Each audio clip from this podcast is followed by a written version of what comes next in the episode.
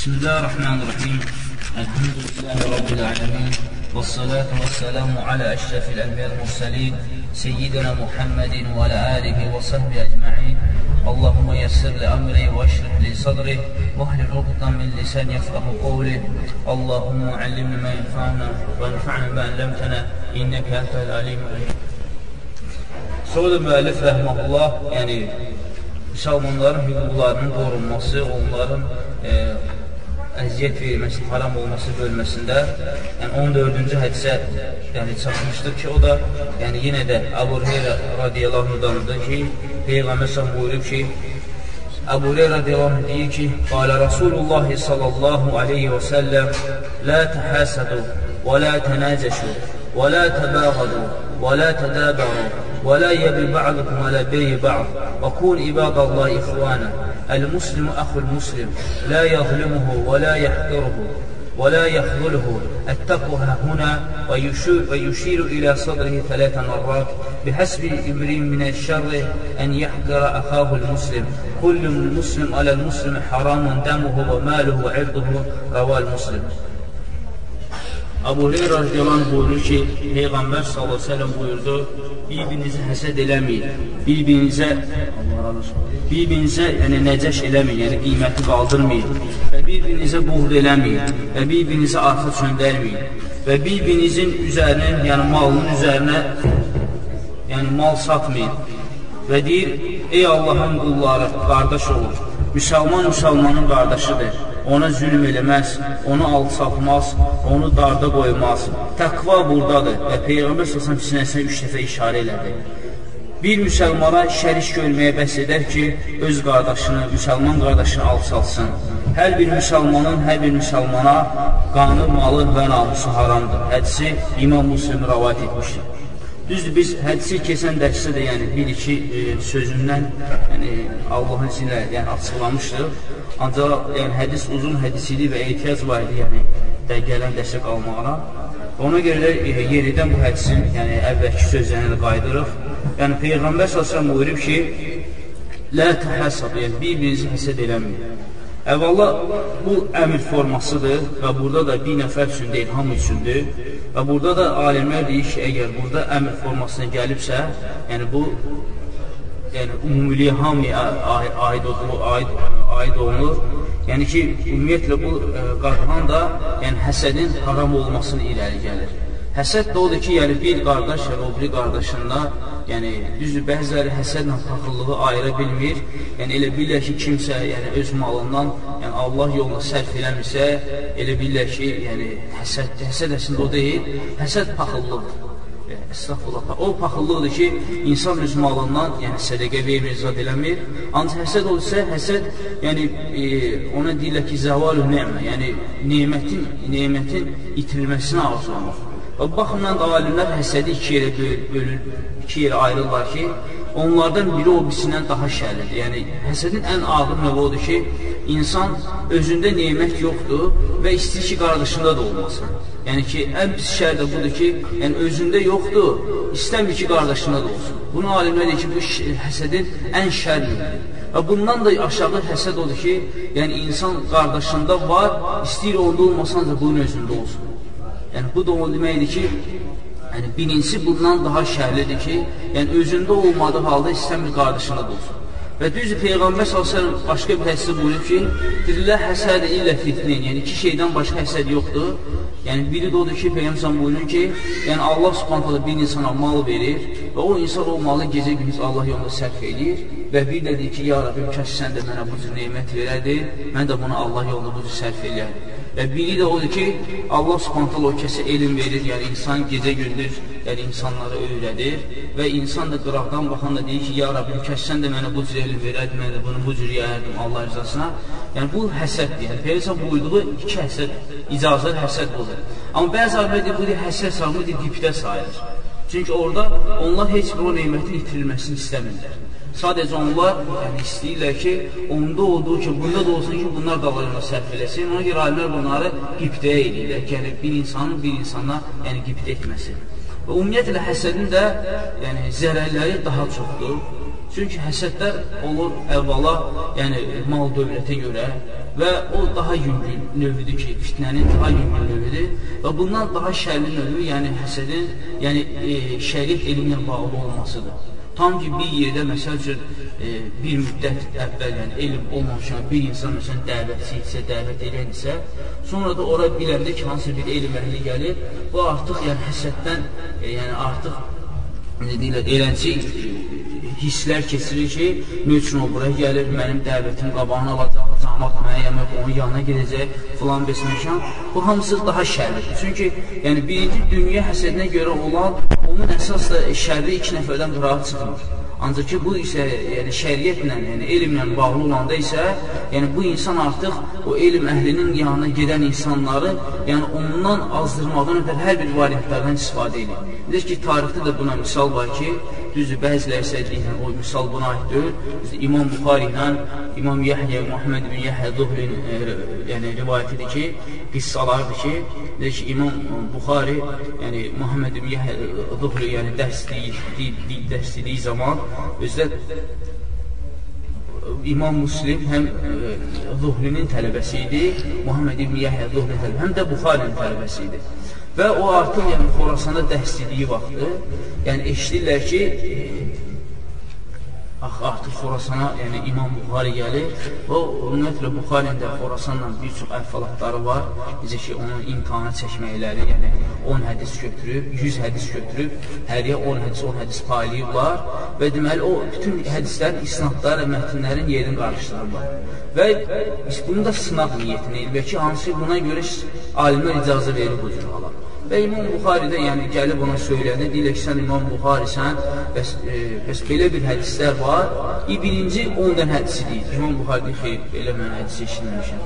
Yəni bu cür formada eşitməmişəm. Sonra o biri onu söyləyir, sonra o biri, sonra o biri o. Yəni bütün 10 nəfər hədisi öz 10 hədisini, 10 hədisini deyirlər. İmam Buxari deyir ki, mən bu hədisləri bu cür bilmirəm, ancaq deyir, mən bu cür bilirəm. Sonra götür hər bir hədisi isnadına qoyur. Yəni ümumiyyətlə hədis iki hissədən ibarət. Bir var mətni, bir də var isnad isnadı. Yəni, e, isnad onlardır ki, e, silsilət-ü rücal əl-müqsul eləl-mətn. Yəni, həmən silsilədir ki, o silsilə aparıb həmən e, deməli, raviləri mətn apardı, çağırdır.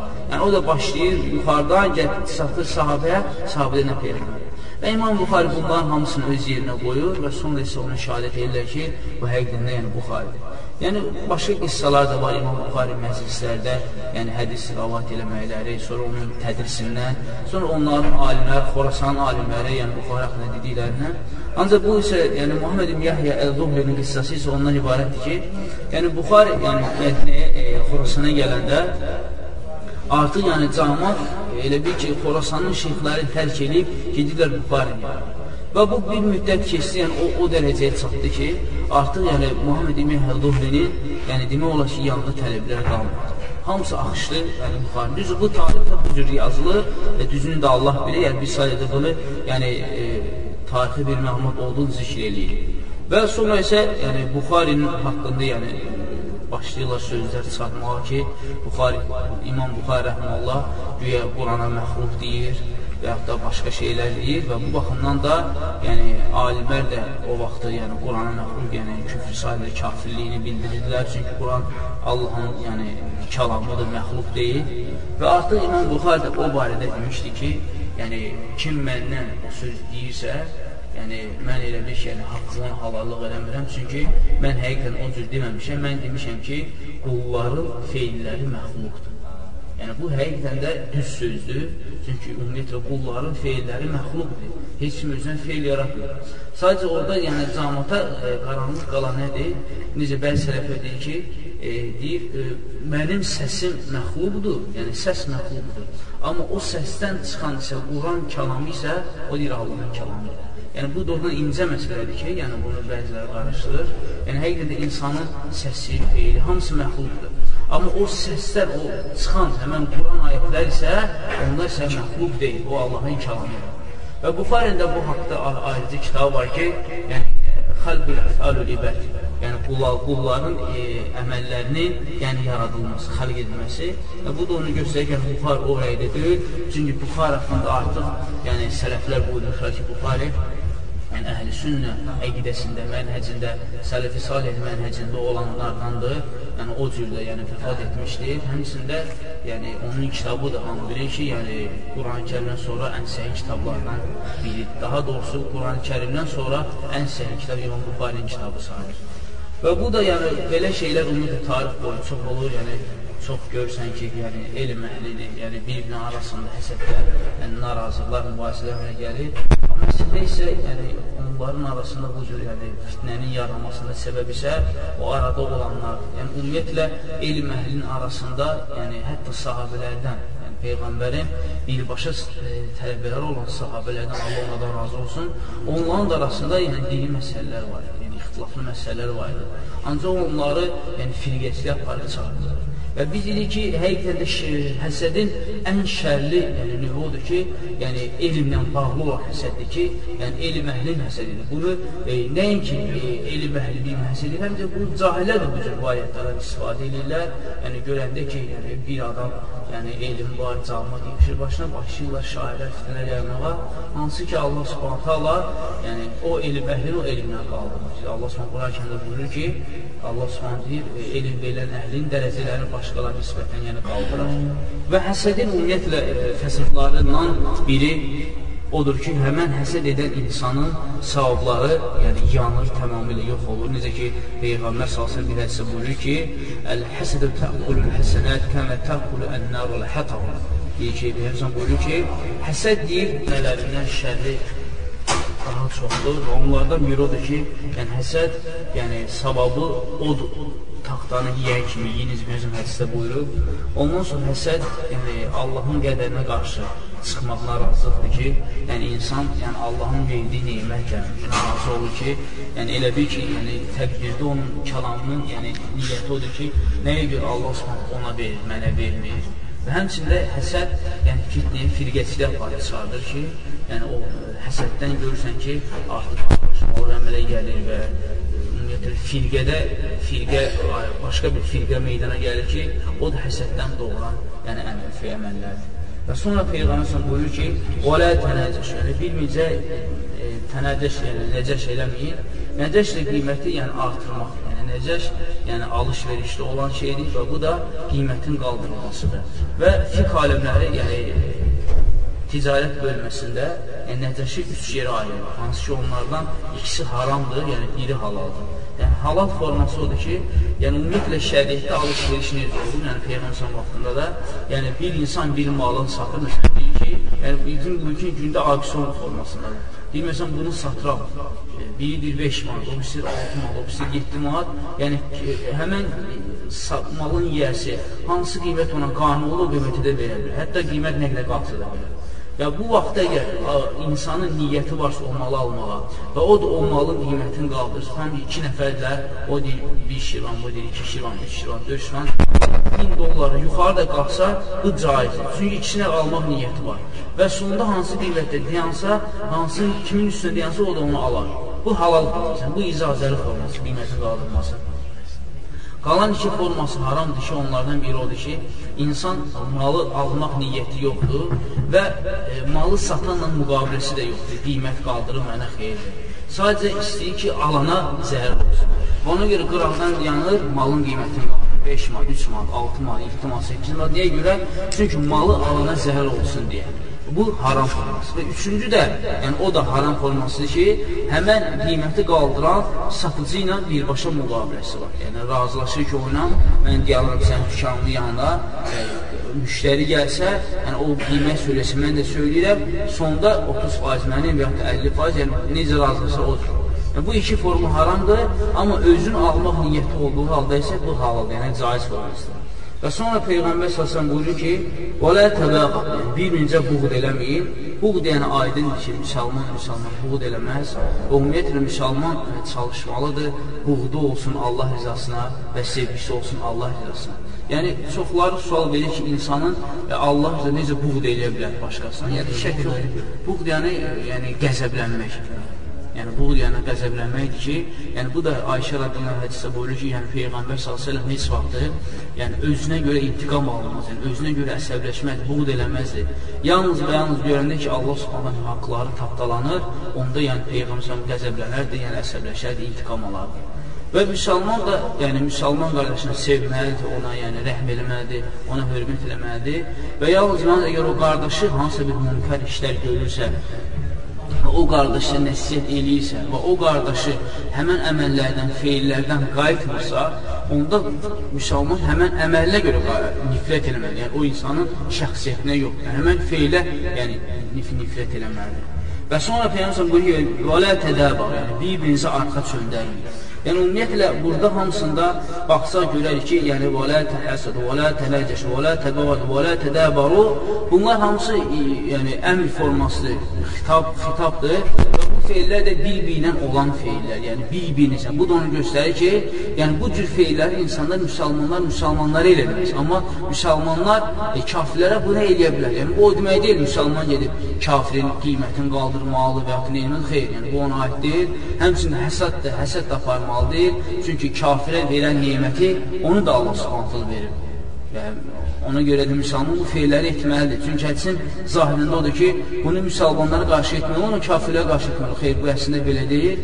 Yəni, bu, yəni, kafirlərin haqları var, onların hüquqları var. Ona görə onlara da qarşı, yəni, bu cür qiymət qaldırmaq və yaxud da ki, onların həsəd elə bunlar da olmaz. Çünki bunlar da, yəni, Allah subhanətə aladan olandır. Yəni, bu, onlara o neməti verən də, yəni, Allah subhanətə aladır. Və Peyğəmbər buyurur ki, "Vələ tədəbər", yəni, bir-birinizi arxa çöndərməyin. Yəni arxada şək yoxdur ki, yəni arxa hər bir haldadır və xüsusən də döyüşlərdədir ki, əgər bir müsəlman yəni döyüşdə iştirak edirlərsə, yəni kafirə qarşı cihaddadırlarsa və yaxud da istəyir hücum cihadı, istəyir müdafiə cihadındadırlarsa, şək yoxdur ki, onlar yəni döyüşdən arxa çöndərə bilməzlər. Ümumiyyətlə, bu qadağandır.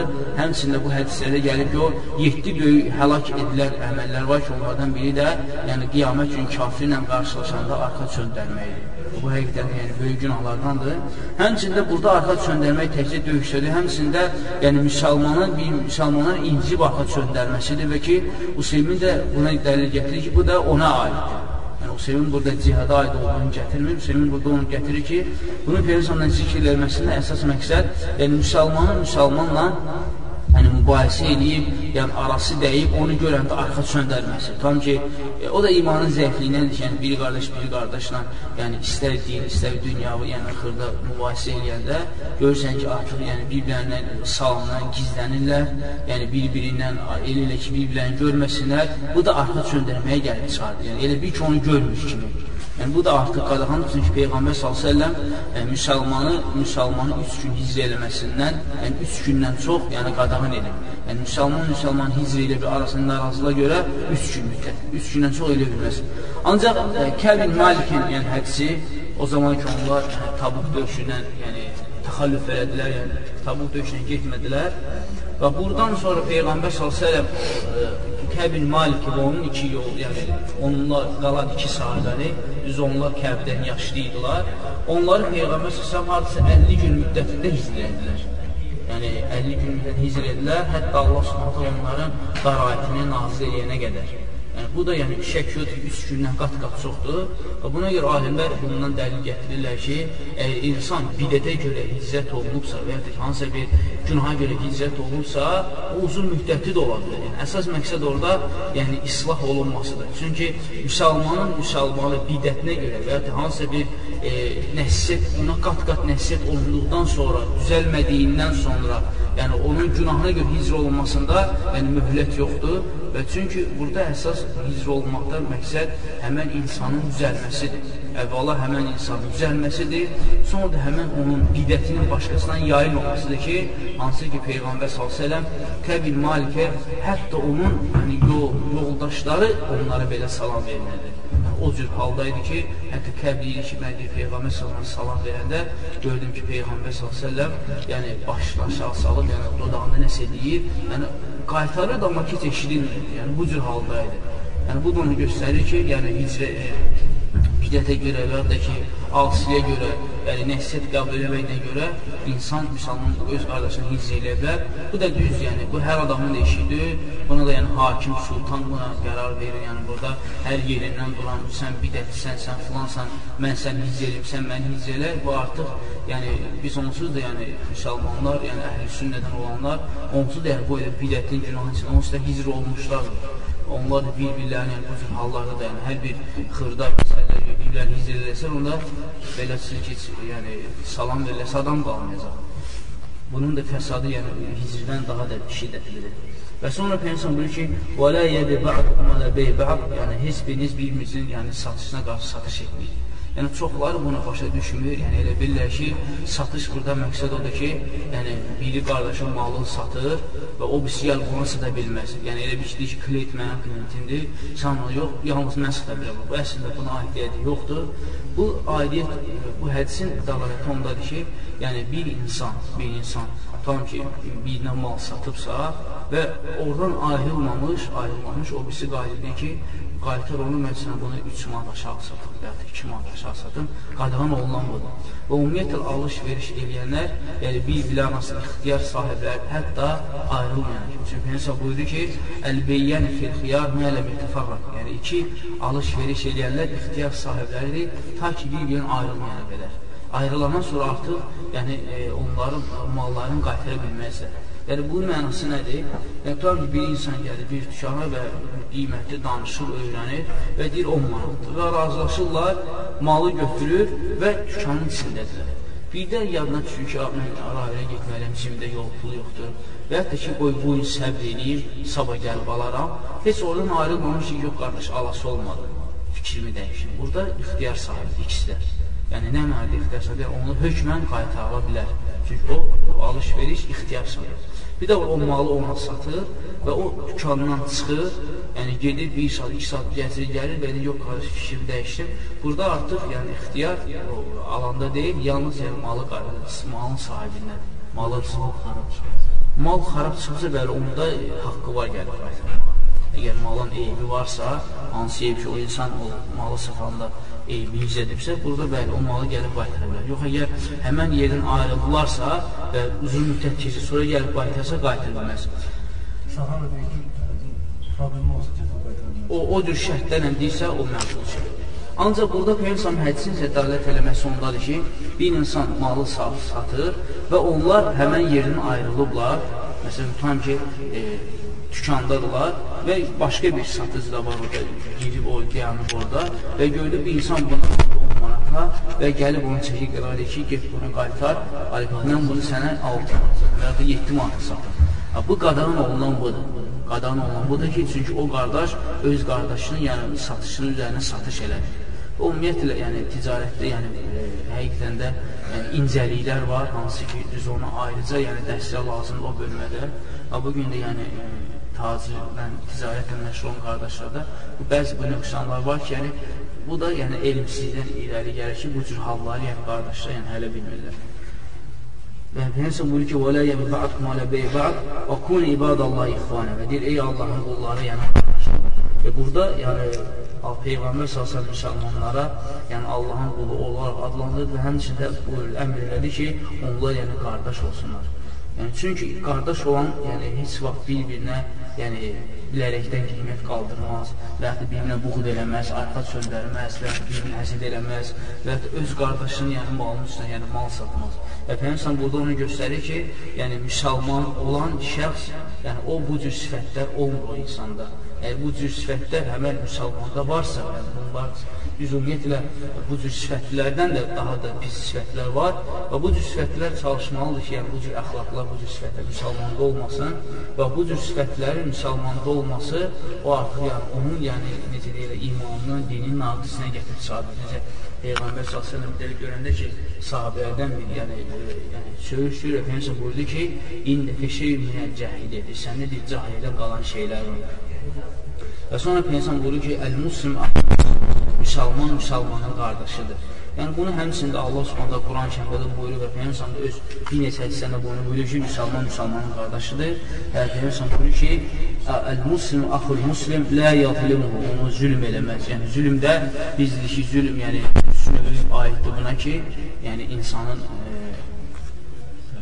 özü özünə olan zülmü, ondan sonra Allahına olan zülmü və qullara olan zülmü və deyir ki, qullara olan zülmdür, o da yəni üç növləndir.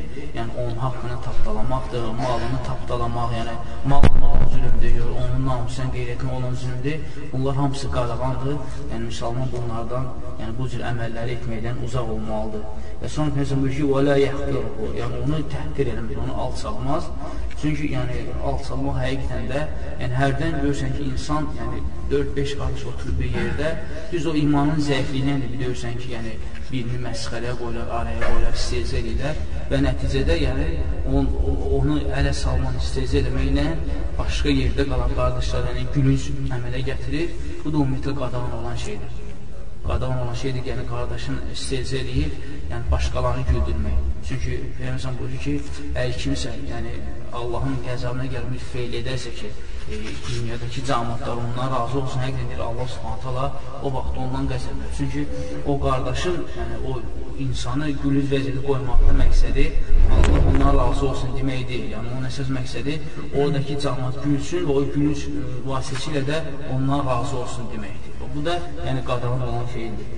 Və Peyğəmbər buyurur ki, "Və la yaxdulu." Onu deyir xəzəl.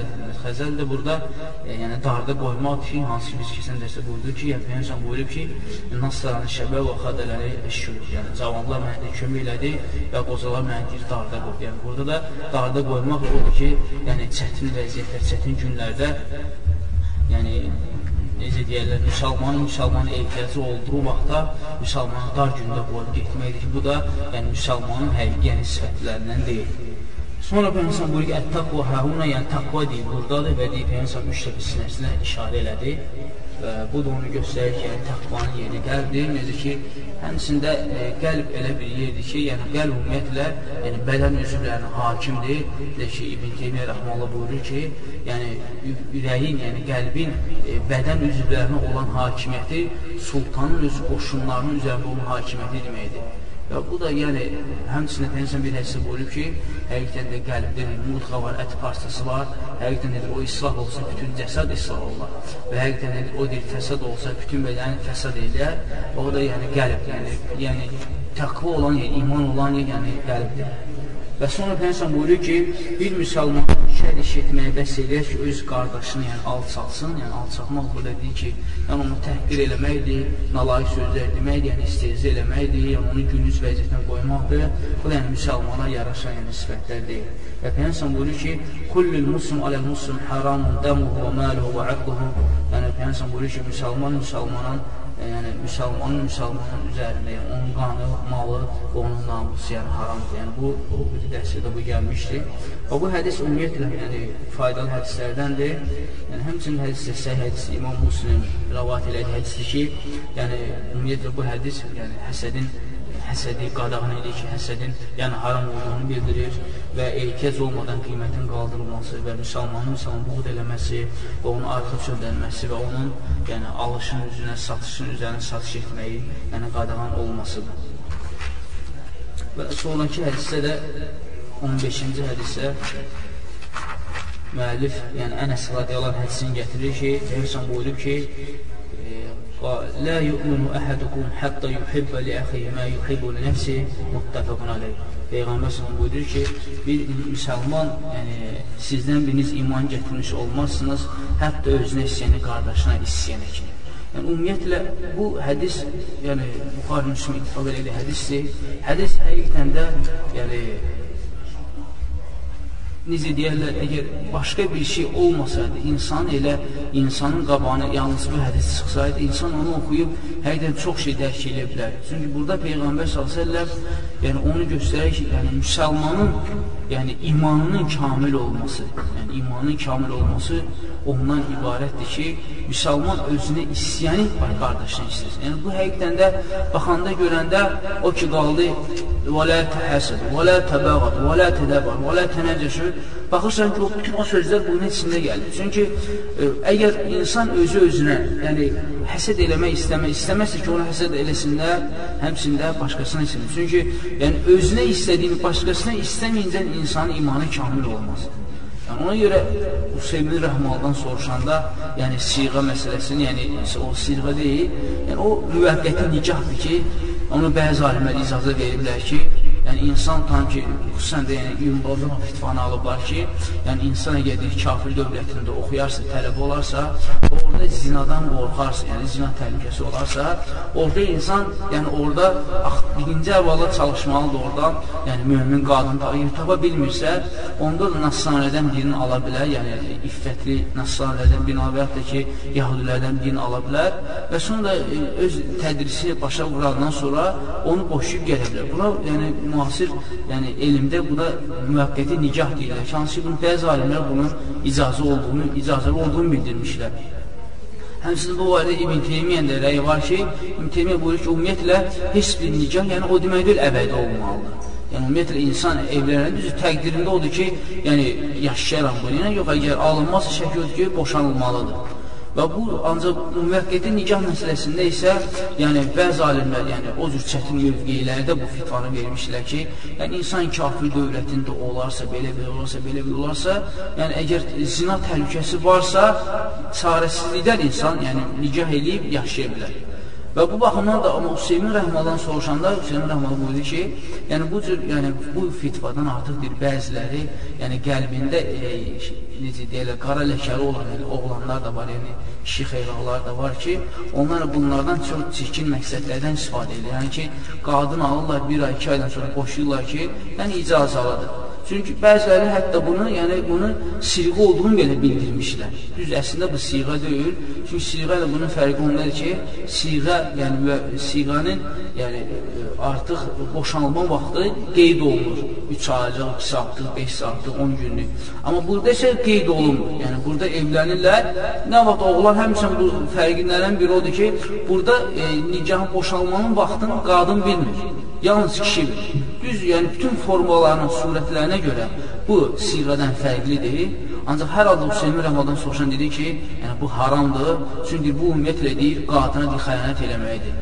Və deyir ki, yəni kim ki, bu kim razı olar ki, bunu öz qızına eləsinlər, Çünki Peyğəmbər buyurur ki, sizlər heç iman gətirmiş olmaz, hətta özünə istəməyəni qardaşına istəməyən qədər. Əgər sən özünə rava bilirsənsə onda sən də onu elə. Əgər özünə rava bilmirsənsə, öz anınla istəmirsən eləsinlər, xalonla istəmirsən, bacınla istəmirsən, qızınla istəmirsənsə o şey eləsinlər, eləcə həmsinə başqa adamlar. Necə ki, Peyğəmbər salsın gəlib, yəni, bir zaman gəlib, ya Rasulallah, bəs mənə izin versin deyim. Peyğəmbər salsın ona demədi ki, haramdır, sən belə olacaqsan, böyük günahlı yanacaqsan, külə dönəcək. Peyğəmbər ona dedi ki, sən istərsən sən xalonla bunu eləsinlər, deyir, yox. İstərsən anonla, yox, istərsən qızınla, yox. İstərsən ki, yoldaşla yox, birbirindən yox. Eləncə deyir, camat istəmir, öz anası ilə, bacısı ilə, qızı ilə bu feyil eləsinlər. Və sonra da həqiqdən də, yəni bu da Peyğəmbərin dəvətinin üsullarından yəni, Peyğəmbər s.ə.v ümumiyyətlə xitab eləyəndə insanlara, e, gənclərə, qozlara insanın mövqeyini bilir. Yəni, Hətta Peyğəmbərin yəni e, münkarları inkar elədiyi vaxtı baxırıq görür ki, Peyğəmbər cüzbəcüz vaxtda ayrı-ayrı inkarlar edir. Yəni ki, bilənlə bilməyənə eyni inkar olunmur. Yəni Peyğəmbər müazə inkar elədiyinə meclisdə qovul edən bələfini eyni, yəni, eyni inkar eləmir. Yəni Peyğəmbər müazə qadı, ya müazə sən fitnəkarsanmı? Ancaq bədəviyə dedi ki, qoy işini qutarsın meclisdə. Halbuki bugün o feil eləsələr biz çaşıb coşarıq özümüzdən ki, meclisdə o şey olunmur, bu şey olunmur. Yəni bu, yəni Peyğəmbərin dəvətinin üsulları nədir? Yəni Peyğəmbər xitab edir, insanı tanıyırdı və onun da dərk elədiyi, qavradığı da formada o ilə yəni xitab edirdi. Və bu hədisdə bu baxımdan, yəni geniş mənalı hədisdir ki, yəni müsəlman, yəni özü ilə davrandığı kimi başqası ilə o cür davranmalı. Yəni sən necə istəyirsən ki, sən öz qızını ərə verəndə sənin qızınla davransınlar, həmçində başqasının da qızı səndədir. Sən də ona o cür davran. Sən nə tərsən ki, sənin e, bacunla, bacıva ərə vermirsən, bacunu döyməsin, söyməsin, necə işgəncə verməsin. Həmçində sən də, başqasının da bacısı səndədir. Sən də ona o cür davran. Sən nə tər istəyirsən ki, yəni özü qıraqda göstərəsən, o cür də özün də evdə ol. Necə ki, sələflərdən birinin sözü var ki, deyir, e, olduğun kimi görün və göründüyün kimi də ol. Yəni, daxildə nə tərsən, çalış elə də görün. Çünki bəziləri görürsən ki, yəni daxildə yəni baş, yəni mundar, çirkin insanlardır, insandır və üzdə özünü çox gözəl, zahiri gözəl göstərmək istəyir ki, bu da yəni zahiri allatmaqdır. Həmçində yəni buna görə səhv edir ki, olduğun kimi gör. Yəni daxildə necəsən də, daxili necədir? Çalış, zahirində daxilə müvafiq olsun. Və deyir, necə görünürsənsə, çalış elə də olur. Yəni, əgər sən e, üzərdə camatda özünü ixlaslı, təqvalı, Allahdan qorxan, harama baxmayan kimi göstərirsənsə, çalış daxildə də eləmsi yox. Yəni, daxilində də təklikdə olanda da o cür qoy. Yəni, evində, işində də o cür eləməsən, sən necə gəlib camata nəsiyyət edirsən, belə ol, belə ol, belə eləməyin, belə eləməyin, o cür də özün tətbiq elə, özün deyil olur. Ona görə bu hədis həqiqdən gelişməyən hədisdir ki, yəni burada demək olar ki, yəni başa düşən insan üçün burada çox faydalar var. Başa düşən insanda çox fayda var bu hədisdə. Və növbəti hədisdə isə, yəni Peyğəmbər sallallahu əleyhi buyurur ki, yenə də Ənəs radiyallahu hədisidir ki, Peyğəmbər buyurur ki, "Unsur haqqa zaliman aw mazluman." Faqala racul ya Rasulullah, "Ansuruhu iz kana mazluman." Ma ra'aytu in kana zaliman kayfa ansuruhu? قال تحجزه أو تمنعه من الظلم فإن ذلك نصره رواه البخاري Yəni Peyğəmbər buyurur ki, öz qardaşına zalım və məzlum olduğu halda kömək edir. Yəni və sahabelərdən biri buyurdu, ya Rasulullah, əgər görsəm ki, məzlumdur, başa düşdüm, məzluma kömək eləmək. Və deyir, mən zalimə necə kömək eləyim? Çünki sahabə bu hədisi zahirə qəbul elədi. Yəni, zahirə ilə başa düşür, yəni Peyğəmbər buyurur ki, zalim və məzlum olduğu halda qardaşına kömək edir. Yəni, şək yoxdur ki, məzlum aydındır qoymayacaqsan ona zülm olsun. Və zalıma necə kömək etsən, ona pensiyon buyurdu ki, onun deyir, əlindən tutub onu qadağan eləmək, ona mani olmaq, bu da deyir, onun köməyidir. Yəni, sən ona kömək edirsən ki, onun qarşısını alırsan ki, o feili etməklə zülmkar olmasın. Yəni, onun zülmünün qarşısını alırsan, bu halda sən ona kömək edirsən. Bu hədis də yəni müsəlmanın yəni sifətlərindəndir ki, ümumiyyətlə müsəlman çalışmalı daima, yəni qardaşın köməyində olsun. Deyir ki, artıq yəni keçmiş bölmələrdə hədislər keçmişdir ki, yəni insan hətta heç bir xeyir iş görmədiyi halda, bacarmadığı halda, hətta bir qardaşın yükünü minyə qoymağa kömək eləməsi. Bizim bizim misallar da çəkdik ki, yəni çox misallar bu, bu bölmədə çox misallar var. Yəni insanın öz qardaşına kömək eləməsi, hətta necə ki hədislərdə gəlir, hətta o e, kömək eləməyi heç bir şey qadir deyil eləməyə, hətta qardaşın üzrə gülümsəməyi onun üçün qardaşına sədəqət verir. Həmçində başqa hissədə gəlib ki, yəni heç bir şey eləmədiyi halda, müsabidir, ya Rasulullah, birdən onu bacarmadı, birdən onu bacarmadı, birdən onu bacarmadı, onda Peygəmbər buyurdu ki, yəni öz şərrini cəhalətdən saxlasın. Və həqiqətən bir insanın e, şərrini saxlayıb ki, öz şərrini saxlayıb ki, başqasına zərər gəlməsin, bu da özündən qardaşlarına bir sədəqədir. Və burada Peyğəmbər sən buyurur ki, unsur əxaka zalimən əv mağlumən. Yəni, qardaşva zalim və məzum olduğu halda kömək edir. Əvvəla bu hədis birbaşa ona dalət edir ki, ümumiyyətlə müsəlman məsum deyil, yəni müsəlman e, yəni xətəkardır, həmçində necə başqa hədisdə gəlir Peyğəmbər buyurur ki, "Kullu bani Adəm xətta və xeyru xəttayın at-tawwabin." Yəni bütün Adəm övladı xəta edənlərdir. Adəmdən başlayaraq çünki ən birinci xəta edən Adəm əleyhissalamdır, yəni atamızdır və ondan da bu yana bütün Adəm övladı xəta edir. Çünki bir hədisdə gəlir ki, Adəm xəta eləməyi ilə onun övladları xəta elədi. Adəm unutmaqla övladları unutqan, unutqan oldu. Çünki o vaxt ki, o, e, Allah son əmrini unudanda, şeytan onu vəsvəsə edəndə, yəni o artıq Allahın əmrini unutdu və ona da onun, onun unutqanlıq da onun yəni, zuriyyətində əmələ gəldi. Və əvvəla hədis göstərir ki, müsəlman hamısı xətəkardır və həmçində onların xatalarından biri də onların zülmkar olmasıdır. Yəni şək yoxdur ki, yəni bu hədis onu göstərir ki, müsəlman müsəlman olduğu halda zülmkar ola bilər. Ancaq bu o demək deyil ki, zülümkarlıq müsəlmanın xoşa gələn sifətdir. Xeyr. Yəni, bu hədis onu göstərmir ki, müsəlman zülümkar olmalıdır.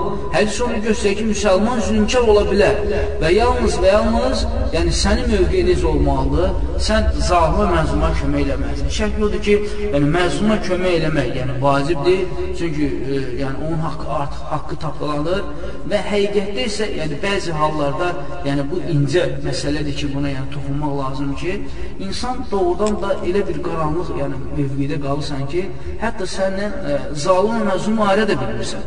Çünki gəlirsən bunun yanına bu Allaha billə hamdisi, gəlsən oyunu bu Allaha billə hamdisi və qalırsan belə və o vaxtı insan daha yaxşı olar ki, e, yəni necə deyərlər, dua eləsin Allah onun haqqı bəyan eləyənə kimi. Çünki e, yəni, hamı nəsə xatı eləyir və elə bir ki, xatı eləməyib və düzgündür və iddiaçıdır. Və bu baxımdan yəni, and içmə qapıları açılır, lənət qapıları açılır. Bu da yəni, yaxşı nəticəyə gəlib çıxır. Yəni, ümumiyyətlə, insan yəni, öz qardaşı arasında yəni, bir narazılıq olduğu zaman, yaxşı ki, insan yəni, gözləsin. Ümumiyyətlə, fitnə ilə şey deyil, təsəvvür edin ki, insan çaya gedir balıq tutmağa və çayın da dibi lillidir. O insan başlayır çayın bu tərəfini, o tərəfini gedəndə güya balıq axtarır. Az bir müddətdən sonra ora başlayır olmağa, bulanmağa. O bulantıda balıq görə bilər. Hətta böyük, böyük balıq olsa da belə, o görə bilməz. Hətta ölü olsa da belə görə bilməz. Niyə görə? Çünki əslində su artıq bulanır. Yəni fitnələr də beləncədir. Yəni fitnə o qədər qarışır ki, insanın haqqı, haqqı batını armaq həqiqətən də çətindir. Yəni belə vaxtda Peygəmbər buyurur ki, yəni cəmaatla Yəni şək edir, dua eləmək lazımdır və bu vaxtı yəni heç kim kimi danı danışmalı deyil, yəni şər yaymalı deyil. Çünki yəni o fitnə olan vaxt tam istəyir ki, yəni mənim sözüm keçsin, mənim sözümə qulaq asılsın və insan çox şey vasitələri əl ata bilər və insan da fikirləşmir, yəni insan naqisdir və şeytan alada bilər, gələ bilər danışdıqca, yəni özündən sərdən onun şeytan ona vəsvəsə edə bilər və 5-in üstünə 6 qoya bilər, 10 qoya bilər və qulaq asan insan deyə bilər ki, bu haqlıdır. Sonra gedib o biri insana qulaq asan görür ki, bəli, o haqlıdır və belə insan qaranlıqda, çaşqınlıqda qalır. Ona görə belə hallarda yəni, havalə eləmək lazımdır inşallah subhanətə alaya, sadəcə dua eləmək lazımdır. Və bu fitnələr vaxtı da yəni, hamı, yəni, necə deyib, Peyğəmbər bir hədisdə buyurub ki, yəni fitnələr vaxtı hər işi eləyən dalda qalması, tutam ki, e, gəzənin haçandan əfsəl olması, oturanın durandan və uzananın da oturandan. Yəni nə qədər insan dala qalsa bu fitnələr vaxtı o qədər yaxşıdır. Həmçinin hədisdə gəlir Peyğəmbər deyir ki, yəni öz qılıncınızı qılınıza salın və ya da dünyanı sındırın. Və şey yox ki, bu fitnələr vaxtıdır. Fitnə vaxtı, yəni qılıncın rol olması çox pis şeydir. Yox, Peyğəmbər vaxtında. Amma indiki vaxtda isə yəni bizdə qılınc yox, bir şey yox. İndiki vaxtda bizim yaxşı dilimiz var. Yəni hansı ki o dil ki, yəni o qılıncdan da yəni 5 metr yaralar salır ki, hansı ki insan yəni bir sözü bir yerdən başqa yerə aparması, yəni o əhli deyib aparır, vəli çatdırır, o birisi aparır, Həsən deyir, amma əslində əvvəli deyir, Həsən deyir, yəni əslində əli deyir. Yəni bu fitnə də yəni onu göstərir ki, insan bu fitnələrin vaxtı çalışmalıdır. Nə qədər dala qalır, fitnədən uzaqlaşır, bir o qədər, bir o qədər yəni yaxşıdır. Və hədis onu göstərir ki, müsəlman ə, zülm eləyə bilər. Yəni, bu o demək deyil ki, o bilə-bilə eləyir onu. Sadəcə bu vaxt ona nəsiyyət etmək lazımdır, başa salmaq lazımdır, yəni ay haqqı aydınlaşmaq lazımdır və qardaşın haqqını özünə qaytarmaq lazımdır və zülm edən insanın isə yəni onun əlindən tutmaq, onu zülm eləməyə qadağan eləmək lazımdır ki, bu da müsəlmanı müsəlmana, öz qardaşına zalim və məzlum halda yəni kömək eləməlidir. Və ümumiyyətlə, necə ki, toxunduq bir yaxki məsələdə, yəni zülümkar məsələsində, bu hal görürsən ki, bugün məsəl üçün e, elə bir hala gəlib çıxır ki, yəni insan elə bilir ki, o haqlıdır. Məsələn, tanı ki, bir insan gəlib bir insan deyir ki, köpək oğlu, və bu da elə bilir ki, bu məni söydü, mən məzlumam, bir başlayır ağasından gələndir ona. Köpək oğlu deyir, it oğlu, donuz oğlu, nəvində oğlu, nə oğlu, bundan da pis söyüşlər. Nəticədə kim məzlum olur? O pis bir sözü deyən, yoxsa onun qat-qat artırılmasından qaytaran, şək yoxdur, qat-qat artırılmasından qaytaran. Çünki Allah sana Quran kəndə buyur ki, əgər sizə biriniz sizə təcavüz eləsə, mənə ətədə aleykum, fəətədu aleyhi mitl məətədə aleykum. Yəni, onun misli qədər ona ehtidə eləyən. Əgər biri sənə haqqlı tapdalayıbsa, sən çalış, e, onu, onun misli qədər elə. Əvvəla bağışlamalısan, çünki Allah buyuruyor ki, bağışla və yaxud da ki, onun misli qədər qaytar. Yəni şək odur ki, bunun haqqını qaytarmaq o qədər, yəni o onu nə qədər deyibsə, onun mislində qaytarmaq, ondan dəfsəl odur ki, insan haqqını bağışlasın. Çünki hədislərdə gəlib ki, yəni haqqı bağışlamaq artıq yəni rəhmətdəndir. Deyir ki, yəni Peyğəmbər sən buyurur ki, bir sahabəli cənnətdən müjdəliyir və keçənləşdirir onu və sonunda sahabə onu izləyir, yəni evində üç gün ona qalır və nəhayət görür ki, heç artıq əməllər eləməyib, yəni əlavə namaz, oruc, həc, yəni bu şeylər yoxdur. Və soruşur ki, sən nə əməllər edirsən ki, yəni Peyğəmbər səni üç səfər cənnətə müjdələdi. Və bu sahabə qayıdıb ki, mən gecələr yatanda deyirəm, ya Rabbi mənə görə heç kimə, yəni əziyyət verməyən elə bil ki, bu insan öz haqqını camata, yəni halallıq edir, yəni ki, haqqını ha halal edir, yəni bağışlayır. Nə deyir Ömür dada? Yəni deyir ki, yəni mənə görə heç mən zülm eləmə. Yəni ki, mənim kimin üzərində haqqım varsa, yəni haqqımı halallıq elə. Və insan da əgər bir insana insan zülm eləsə, insan çalışmalıdır, onu misli qədər qaytarsın. Əgər bağışlamırsa, çalışır misli qədər qaytarsın. Əgər o misli qədər qaytarmaqdan qorxursa ki, o həddini aşacaqsa, yaxşıdır insan o vaxt sussun. Çünki əgər insana gəlib biri bir artıq söylüsə və insan da onun müqabilində ona qat-qat artıqlamasını söyləsə, bu artıq insan insanı, yəni əvvəl məzlum olan, sonradan artıq zalimə sönlər. Yəni, hadisənin əvvəlində məzlum olan, hadisənin sonunda ki, artıq yəni, məzlum kimi, məzlum kimi olur. Və müsəlman da, e, müsəlmanın yəni, zülmündən e, saxlamaq, onu zülm eləməyə qoymamaq, o da yəni zalimə kömək etməkdir. Sonraki hədisdə, yəni Əbu Hüreyrə radiyallahu anh hədisidir ki, hədisdə deyirsən, sonuncu hədisdir.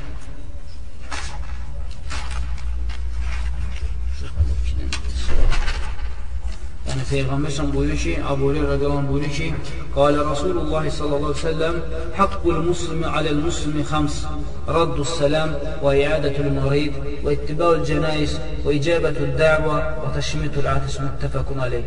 وفي, وفي رواية المسلم حق المسلم الست إذا لقيته فسلم عليه فإذا دعاك فأجبه فإذا استنصحك فانصح له وإذا عت وإذا عتس فحمد الله فشمته فإذا مرض فعده وإذا مات فاتبعه فاتبعه فإذا وإذا مات فاتبعه يعني Peyğəmbər sən buyurur ki, müsəlmanın müsəlmanın üzərində haqqı 5-dir.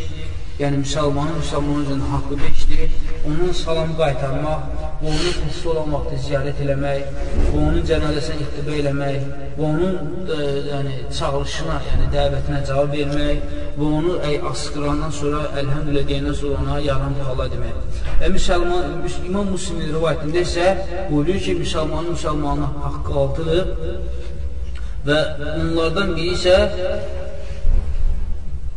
yəni bu 5, həmən bu 5-dir və altıncısı odur ki, əgər səndən nəsiyyət tələb eləsə, ona nəsiyyət eləməkdir.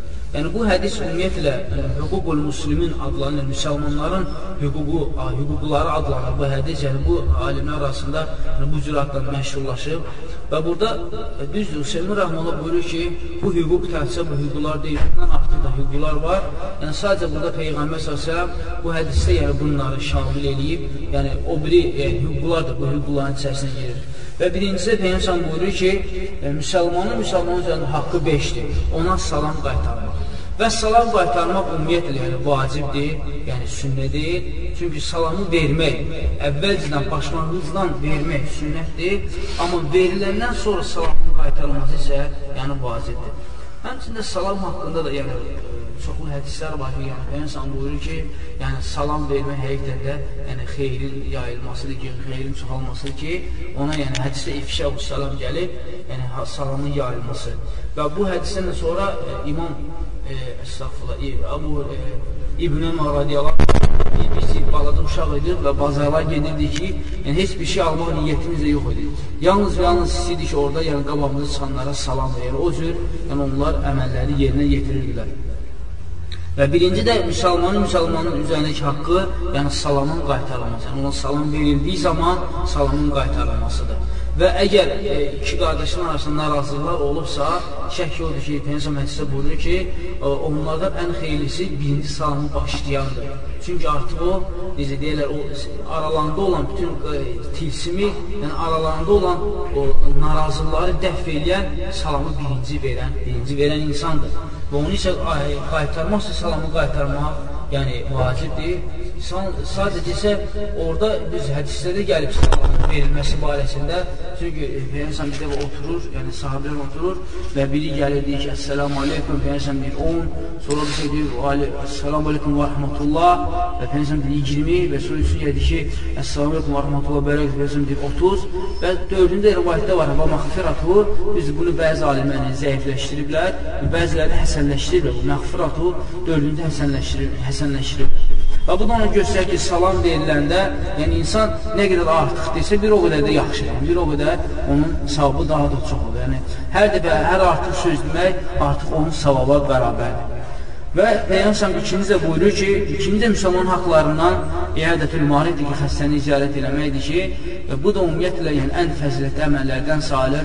Çünki Peyyəmsəm buyurur ki, yəni gecə xəstəni ziyarət eləmək, səhərə kimi 70 mələk, 70 min mələyin onun üçün dua eləməsidir və əgər səhər dua eləsə, gün batına qədər 70 min mələyin ona dua eləməsidir. Yəni bu da həqiqətən xəstəni ziyarət eləməsinin yəni, böyük yəni, fəzilətlərindən irəli gəlir ki, hansı ki, bu feili Peyğəmbər səsəmdə həyatında etdiyini görürük ki, yəni Peyyən salını, yəni Xəndək döyüşündə sahabilərdən Səd bin Muazin, yəni ayağına ox, ox batır və Peyyən salım onun, yəni elə bir meclisin içində onun üçün yer düzəldir.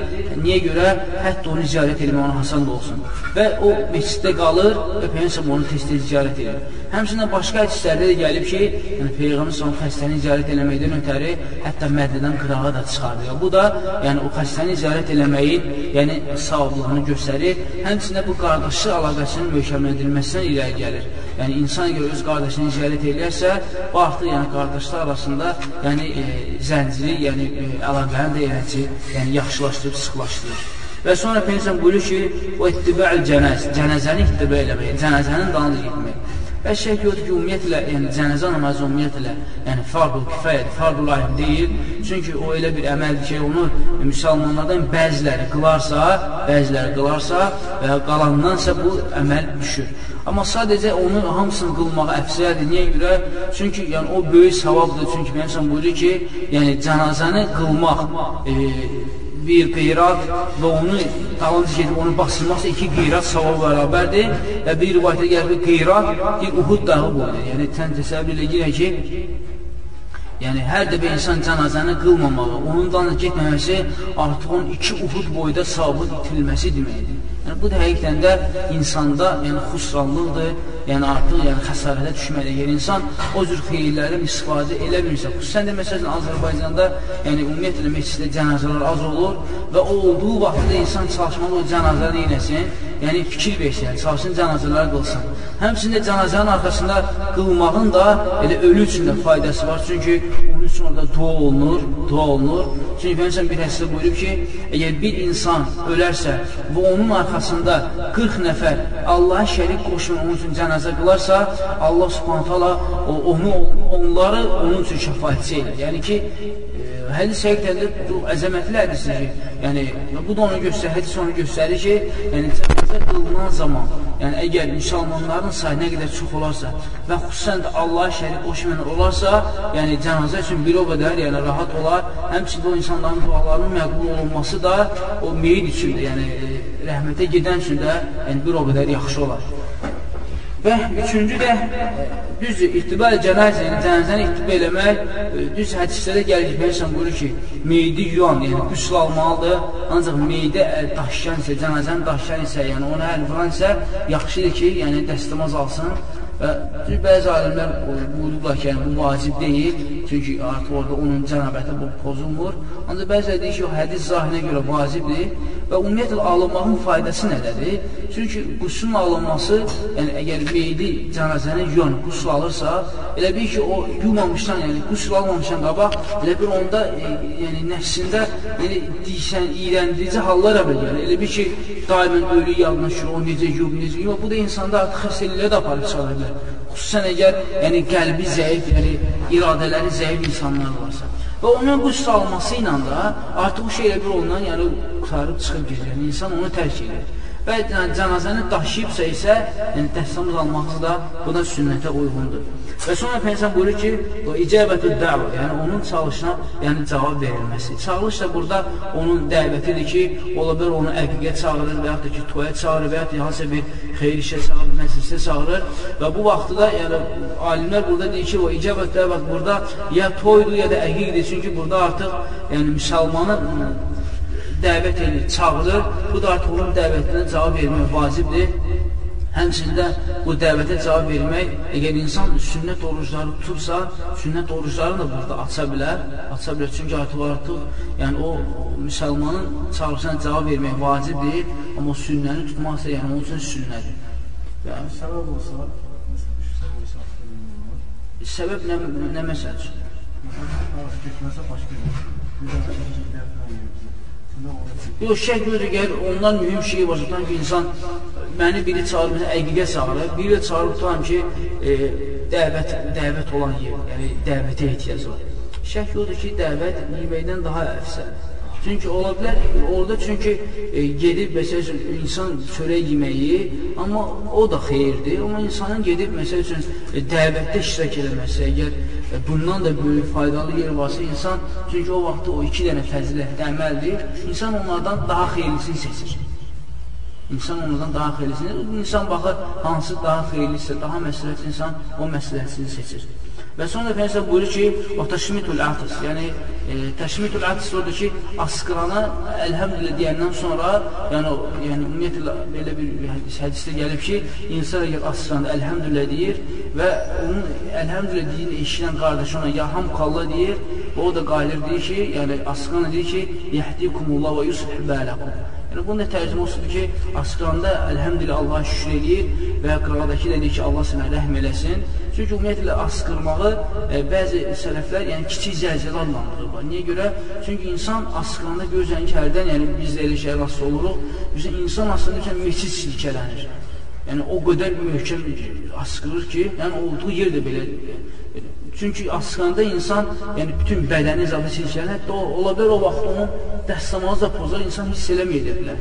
Yəni bu cür haldan sonra insanın Allah həmd eləməsi, yəni vacib mühəzzəm hədisdə buyurub və o asqandan sonra əlhəmdülə deyir və onu eşidən insan isə ona yarham qala deyir ki, Allah sana rəhm eləsin və o da müqabilində qaydı bilir ki, yəhdikumullah, yəni Allah sizə yəni hidayət eləsin və yushibələkum və sizin işinizi avandır eləsin, iş, işinizi islah eləsin. Əgər eşitmirsə, tam ki, qardaş oturub orada. Eşitmirsə, da eşitmir də. Düz əgər o qardaş istəyirsə ki, onun çalışın cavab verilsin, asqadan sonra əlhəmdülillah möhkəm deməyə yaxşıdır. Hətta insanın yadından çıxırsa, başqasından ki, qardaş, asqırdan əlhəmdülillah yadından çıxdı, o da maniyə yoxdur deyib, yəni təkrar eləyə bilər. Və Müslümin rivayətində isə 6-cı hüququ da artırılıb, o da ki, yəni əgər səndən nəsiyyət olunarsa, nəsiyyət eləmək. Ümumiyyətlə, nəsiyyət də, e, yəni qardaşın qardaşın nəsiyyət eləməsi bu vacibdir və xüsusən də elə bir hallarda ki, yəni fitnələrin, ondan sonra fəsadların çoxaldığı vaxtda, əgər insan bilsə ki, o qardaş məsəl üçün e, imanı zəifdir, hansısa yəni naqis əməllər, feylər eləyir və gəlib qardaşın nəsiyyət eləməsi, ondan başa salması, o da Allah rəsmi olmalıdır, amma nəsiyyət gəlib cəmatın içində olmur. Və xüsusən də bu nəsiyyətdə, yəni sultanların, hakimlərin nəsiyyətdir ki, necə ki, e, sələflərdən biri buyurur ki, əgər sən bir xatı eləsən, yəni bir zin eləsən, gəlib qardaşlarımın içində sən o feyli bəyan eləsən, sən xoşuna gələrmi? Deyir, yox. Deyir, həmçində hakim sultan istəməz ki, onun xatalarını gəlib onun rayətinin altında eləsin. Yəni, rayətin yəni, daxilində eləsin. Və nəsiyyət də gizlində olandır. Yəni, qardaş qardaşa nəsiyyəti çalışmalı gizlincə eləsin, yəni gəlib qardaşına bəyan eləməsin. Çünki bizdə hərdən görürsən ki, insan nəsiyyət eləyir, sonra gəlib buyurur ki, filan qardaşı görürsən, nəsiyyət elədim, qəbul eləmədi. Halbuki ola ki, o nəsiyyət elmir, ola bilər onun içinə qışqırıb, acı nəsə bir söz deyib, Allahdan bu, ki, namaz qılırsan, saqqal sarsan, bu nə deyilsən, o da o nəsiyyət də olmur. Nəsiyyət yəni mülayimlik olmalıdır, yəni necə deyərlər, rifq olmalıdır, mülayimlik olmalıdır, yəni yumşaqlıq olmalıdır ki, hətta nəsiyyət olan o nəsiyyəti qəbul etsin. Amma nəsiyyət etdiyin adamın üstünə qışqırmaq, onu təhqir eləmək, güya nəsiyyət edirsən, bu heç nəsiyyətə aidiyyəti yoxdur. Bu əslində öz qəzəbli hissi onun üzərinə, üzərinə tökməkdir. Və sonraki sonuncu hədisdə də yenə də ondan sonraki bir nöqtarı, yəni Əbu Umar Əl-Bara ibn Əzmin Əzbin hədsidir ki, radiyallahu anh buyurur ki, qal, əmrana Rasulullah s.ə.v bis-səbr və nəhənə mis-səbr əmrana bi'ədətil marid və ittibəl cənəzə və təşmitul əhtis və ibrarul muqsim və nasrul məzlum və icabətul da'i və ifşəvus səlam və nəhənə ən أن خواتم أو أن خواتم أو تختم بالذهب وأن شرب بالفضة وأن المياثر الحمر وعن القصي قصي وعن لبس الحرير والاستبرق والديباش متفق عليه. Bara ibn Əzib radiyallahu anh buyurur ki, Peyğəmbər səsəm bizə 7 şey əmr elədi və 7 şeydən. O 7 şey ki əmr eləmiş ki, onlardan birinci xəstəni ziyarət eləmək, ikinci cənazəni, yəni dalınca yemək, onu bastırmağa, dəfn eləməyə getmək, üçüncü asqanı, yəni e, yarımı kalla demək və dördüncü deyir, e, and içənin andını, yəni qorumaq, yəni ona inanmaq, bir insan and içirsə, sən andına görə ona inanmalısan, yəni ona yəni, bərat qazandırmalısan. Beşinci, məzluma kömək eləmək və altıncı, dəvətə, çağırışa cavab vermək və yetinci salamı yaymaq. Və də yetdi şeydən bizi çəkindirmişdir. Onlardan birinci, yəni qızıl üzük taxmaq, ikinci, gümüş qablarda yemək və üçüncü, e, ipək olan giyimlərdən qaçmaq və dörd, ipək də burada yəni burada birincisində geyim deyil, burada məyətul humur, məyətul burada odur ki, yəni dəvənin və yaxud da ki, atın belinə yəni yəhər qoyurlar. O yəhərdə həmən o e, ipəkdən istifadə eləmək. Yəni Peynəsal bu şeydən qatan edir, çünki ərəblərdə o məşhur idi. Yəni ki, öz miniklərində ipəkdən istifadə edirdilər. Və Dirvan il-Qıssi, o da yəni geyimdir.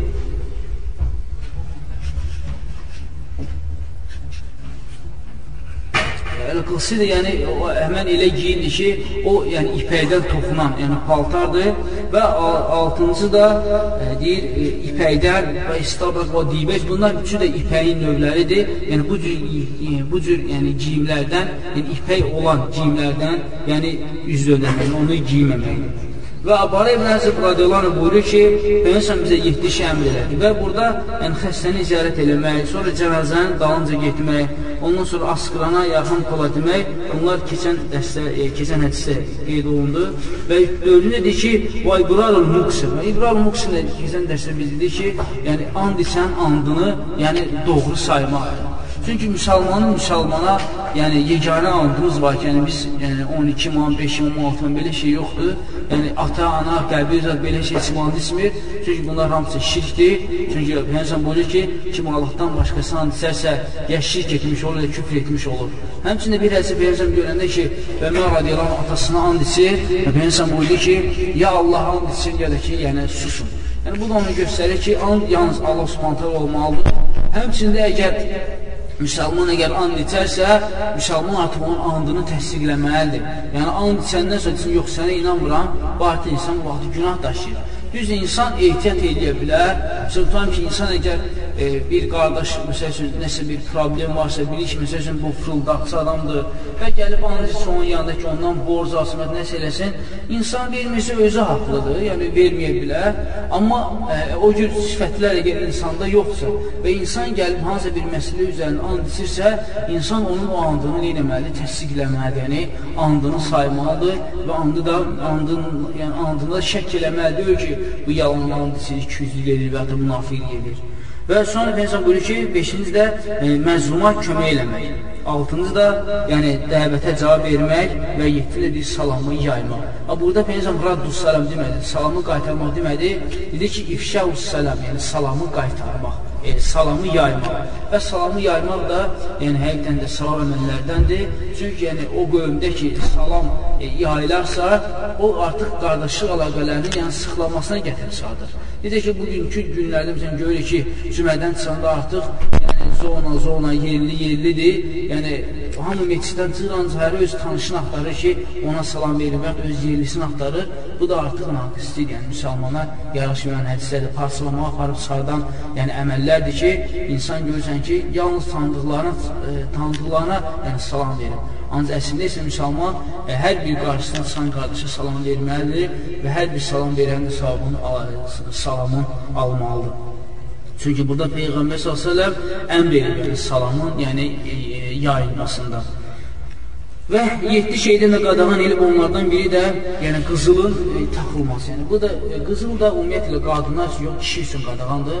Çünki peyğəmbər sallallahu bir gün yəni əlinin əli rivayet edir ki, peyğəmbər bir gün deyir qızılla e, və ipəyi götürdü əlinə və qaldırdı yuxarı və dedi ki, bunlar mənim ümmətimin kişilərini haram edirdi və qadınlara isə ümmətimin qadınları sənə halal edirdi. Yəni qadınla qadın e, ipək də giyinə bilər, onun qızıl da əşyalar taxa bilər.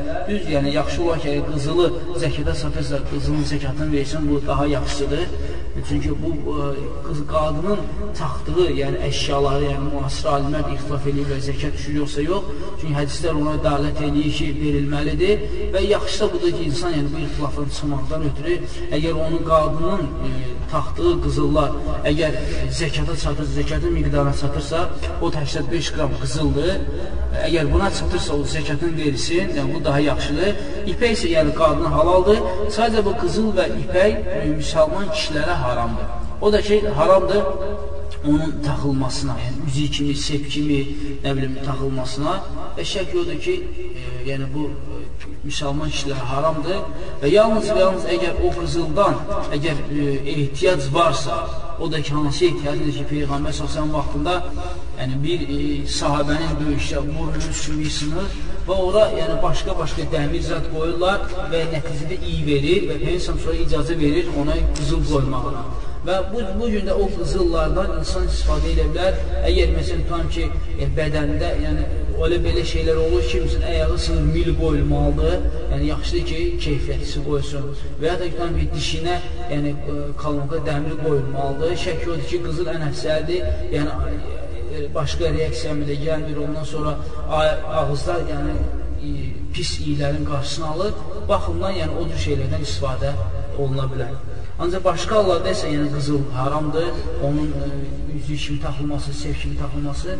Həmçində bu baxımdan o şeyləri gəlir ki, kişinin ümumiyyətlə yəni qolbaq taxması, yəni gümüş olsa da və yaxud da set taxması bu da taxılmamağı daha yaxşıdır. Çünki düzdür, buna heç kim deyəməz ki, hədisdə qadağan gəlib ki, gümüş haram, gümüş halaldır. Sadəcə o libas forması ki var, yəni qolbaq və yaxud da ki, yəni, necə deyirlər, sırğa və yaxud da deyək, e, boyunbağı, bu ümumiyyətlə qadının, yəni zinətdən, kişinin zinətlərindən deyil. Yəni hədisdə gəlir Peyğəmbər səsən gümüşdən yalnız və yalnız e, üzük taxıb, onu da ki, Peyğəmbər daima taxmayıb. Yəni Peyğəmbər öz yəni, xətmini, yəni möhrünü o üzüyün üstündə idi və ehtiyac onda onu taxardı və möhrün buranı təzədən çıxardıb Osman radiyallahu verərdi. Bu da onu göstərir ki, yəni gümüş Peyğəmbər istifadə edib yalnız və yalnız yəni üzük vaxt, üzük taxanda. Ancaq ki, sep taxmaq, olmazsa qolbaq taxmaq və ya da başqa şeylər, bu ümumiyyətlə yəni, yaxşıdır insanın tərk edəcək ki, bu yəni, qadının zinət əşyalarındadır. Və Bara ibn Əzə buyurur ki, insan bizə qızıl taxmaqdan, yəni qızıl üzük taxmaqdan və gümüş qablardan içməkdən. Burada düz hədisdə içməyə gəlib, yalnız və yalnız gümüşdə, amma ümumiyyətlə, yəni açıq hədis var ki, insan buyurub ki, e, qızıldan və gümüş qablardan yemək içmək qadağan edilib. Çünki Peygəmbər buyurur ki, e, kim ki deyir, qızıl və gümüş qablardan yeyir və içirsə, deyir, o deyir, öz qarnına ot, ot yəni, hazırlayır, yəni od qaynadır. Çünki həqiqətən də o qadağandır və başqa hədisdə də gəlir ki, Peygəmbər buyurur ki, kim deyir, bu dünyada qızıldan və gümüşdən istifadə edərsə, artıq cənnətdə onlardan istifadə eləməz. Bu da yəni haramlığına gətirib çıxardır. Yəni bu haramlıq da yəni təkcə kişi üçün deyil, həmçinin də qadın üçün də bu haramdır. Yəni gümüş və qızıl qablarda yemək içmək. Bu qadın üçün də haramdır. Yəni Peyğəmbər buyurur ki, "Vanil məyəthiril humur." Yəni məyəthiril hum da dedi ki, yəni e, mini üçün yəhərin hazırlanmasıdır ki, onun üzərində yəni ipək parçadan istifadə olunur ki, bu yəni qadağandır və həmçində və dilvanil qıssi. Qıssi ilə dediyi odur ki, elə qassi odur ki, yəni ipəkdən toxunmuş paltarlardır. Yəni bu da kişi üçün haramdır, ya qadın üçünsə haram deyil, ipək haram deyil. Və, deyil, və sonra Peyğəmbər buyurur ki, "Və lubsul hariri vel istabraq vel dibac" və hərir ipəkdir və istabraq vel dibac bu da yəni ipəyin növlərindəndir, ipəyin növlərindəndir ki, yəni bu cür geyimlər yəni kişiyə haramdır, ancaq isə qadınlara isə yəni halaldır. Düzdür, bir hədisdə gəlib ki, Peyğəmbər döyüşlərin birində Abdurrahman ibn Avfla bir dənə sahabəyə yəni icazə verir ipəkdən köynək giyinməyə. O da yəni hansı halda olur? Bunlar döyüşdə olurlar və onları qaşınma tutur, bədənlərini qaşınma tutur və hansı paltar giyinirdilərsə o qaşınma davam edirdi və yalnız və yalnız həmin ipəkdən giyinəndə qaşınma dayanır. Bunu bəzi alimlər deyir ki, bu hədis ona dalət edir ki, e, ehtiyac varsa giymək olar. Ancaq bəzi deyir ki, o ehtiyac, yəni miqdar, e, ehtiyacın də, yəni mövqeyi olmalı. Hansı vaxt ehtiyac var? Şək odur ki, əvvəla onlar döyüşdə idilər, yəni evdə deyirlər ki, başqa paltarları olsun e, və o baxımdan onlar onu giyindilər. Yox, əgər o ipəyi əvəz edən varsa, şək odur insan ipəkdən üz döndərməlidir ki, ipək yəni haramdır. Yəni hədislərdə gəlib ki, bu müsəlman kişilərə ipək haramdır, ancaq qadınlara isə yəni halaldır. Bu hədisdə də həqiqətən də faydalar var və faydalardan biri, yəni əvvəlki hədislərə ə, əlavə olaraq, yəni müsəlmanın andının yəni doğru sayılması, yəni and içərisində andını doğru saymaq və sonradan salamın yayılmasıdır və sonra da yəni haramlarda isə, bizim qalan etdiyi şeylərdə isə, yəni üzüyün müsəlman kişi haram olması, yəni qızıldan düzəldən üzüyün müsəlman kişi haram olmasıdır və e, gümüş və qızıl qablardan istifadə olunmasıdır və sonra ipəkdən istifadəsi haramdır kişilər üçün və Allah sonra bizə işli faydalandır eləsin. Sallallahu Muhammed və aləli Muhammed və düzünə Allah.